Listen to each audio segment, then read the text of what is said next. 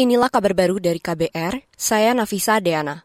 Presiden Joko Widodo memastikan pemerintah terus berupaya membebaskan pilot maskapai Susi Air yang disandera kelompok bersenjata di Papua. Kepastian itu disampaikan Jokowi menjelang kunjungan ke Australia hari ini. Menurut Jokowi, banyak hal yang dilakukan pemerintah di Papua untuk membebaskan Philip Martens. Namun, kata Jokowi, upaya-upaya itu tidak bisa dibuka ke publik. Sebelumnya Kapolda Papua Matius Fakiri meminta kelompok bersenjata pimpinan Egyanus Kogoya segera membebaskan pilot yang disandera sejak 7 Februari lalu itu. Kita ke berita lain.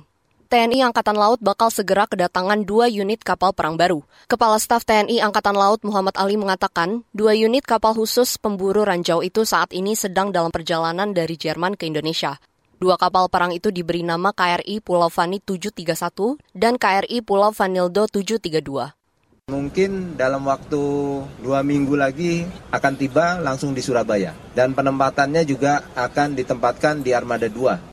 Kepala Staf TNI Angkatan Laut Muhammad Ali mengatakan pengadaan dua kapal pemburu ranjau itu salah satu tujuannya adalah untuk menyisir banyak ranjau laut di perairan Indonesia peninggalan Perang Dunia Kedua.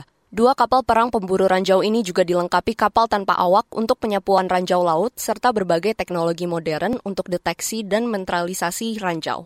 Kita ke berita selanjutnya. Kelompok masyarakat sipil mendorong pemerintah memberikan perlindungan menyeluruh bagi perempuan pembela hak asasi manusia atau PPHAM di ruang digital.